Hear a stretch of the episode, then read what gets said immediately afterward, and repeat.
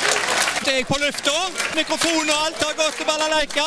Da er det Balalaika med Alf Henden i studio igjen, og vi ser på historiske hendelser i uke 19. Ja da, og jeg begynner med fødsler, med noen som ble født med fotballsko på beina. Ja. Ja, ja, ikke helt det kanskje, men eh, 1945. Alan Ball født. Dette er altså Alan Ball. Engelsk fotballspiller, da. Midtbanespiller. Eh, Klubbkarriere var for Blackpool, Everton, Arsenal og Southampton. Og han ble verdensmester eh, med England i 1966. Og han er en av verdensmestrene som har spilt på Haugesund stadion.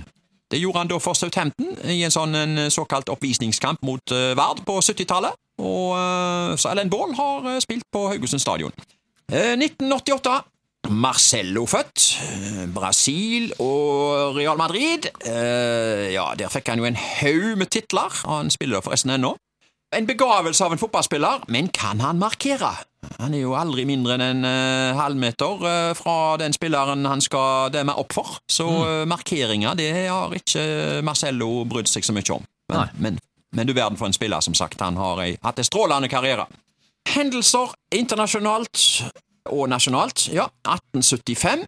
Stortinget vedtok at Norge skulle slutte seg til meterkonvensjonen. Eh, altså med meteren da som nye målenhet. Hva brukte vi før meteren? Eh, ja, hva brukte vi? Brukte vi alen? Alen? Nei, vet ikke jeg. Nei, Eh, nei, eh, Nei, det, må jo, det må jo ha vært det samme som vet ikke hva engelskmenn og amerikanerne Ja. bruker, da, men eh, tomme og dette? Det var iallfall eh, meterkonvensjonen. Det var i hvert fall en traktat da, mellom en rekke nasjoner, og den første som eh, tok i bruk meteren, det var Frankrike. Ja, og, og vi har jo fått en påminnelse om eh, meteren òg, når eh, Bent Ikke Høie sant. var helseminister. Da Å, måtte jo ja. han på TV vise hvor lang en meter var. Ikke sant? Ja. 1885. Bokmål og nynorsk ble jamstilte skriftspråk i Norge. Eh, ja, eh, 1885 altså. Og jeg har pl- plukket ut et par eh, ord her som eh, har veldig, f- eh, veldig forskjellige eh, uttalelser, holdt jeg på å si, fra norsk og nynorsk. Vet du hva gyngestol betyr på nynorsk? Det er ikke rævkviddevippa. Jo, rauhvilevippe. Du kan si gyngestol òg, da, men Ja, ja. eh, det er faktisk et ord. Rauhvilevippe. ja, Ja. ok. Og eh, vi har snakket fotball her til nå. Eh, enkeltspiller, hva er det på nynorsk? Enkildespiller, kanskje? Eh, Ja. ja. ja, ja, ja. Yes. Ja, 1885 altså, bokmål og nynorsk ble jamstilt. Hva vil det si å gå i tudden? Nei, det vet jeg. Vet du det? Ja, det går, da går går de rundt for deg. Eh, eh, Er det sant? Ja. Ok. Ja. ok. Eh, 1999, på Edda. Solan, Ludvig og Gurin med reverumpejekk, en familiefilm. Så gikk filmen Brasils hjerte, den ble vinner av Golden Globe. Og så gikk det en amerikansk ramon- romantisk komedie som heter Naturens spill. Og så gikk det en amerikansk actiondramafilm som heter Den jagede. Der var det Nick Nolt og James Coben som var i hovedrollene. Og så gikk det en film som heter Love is the Devil. Det var altså kinomenyen i 1999. Og så skal vi se fram mot 17. mai, og vi skal se på eh, 17. mai-saker med barn i hovedrollen. Ja. Ja. 1918. Haugesunds Avis skrev Haugesunds kvinnelige arbeiderforening har utstedet et manifest hvor de oppfordrer alle arbeidermødre til å holde sine barn borte fra 17. mai-toget. Og såpass. Ja, Grunnen til dette skal være at man har lærere mistenkt for å agitere barna bort fra 1. mai-toget. Å ja. Dessuten er brodden rettet mot de mødre som 1. mai-dagen unnlot å pynte barna og unnlot å la disse delta i barnas festtog. Altså en maktkamp. Dette er tydeligvis da mellom eh, 1. mai-feiring og 17. mai-feiring.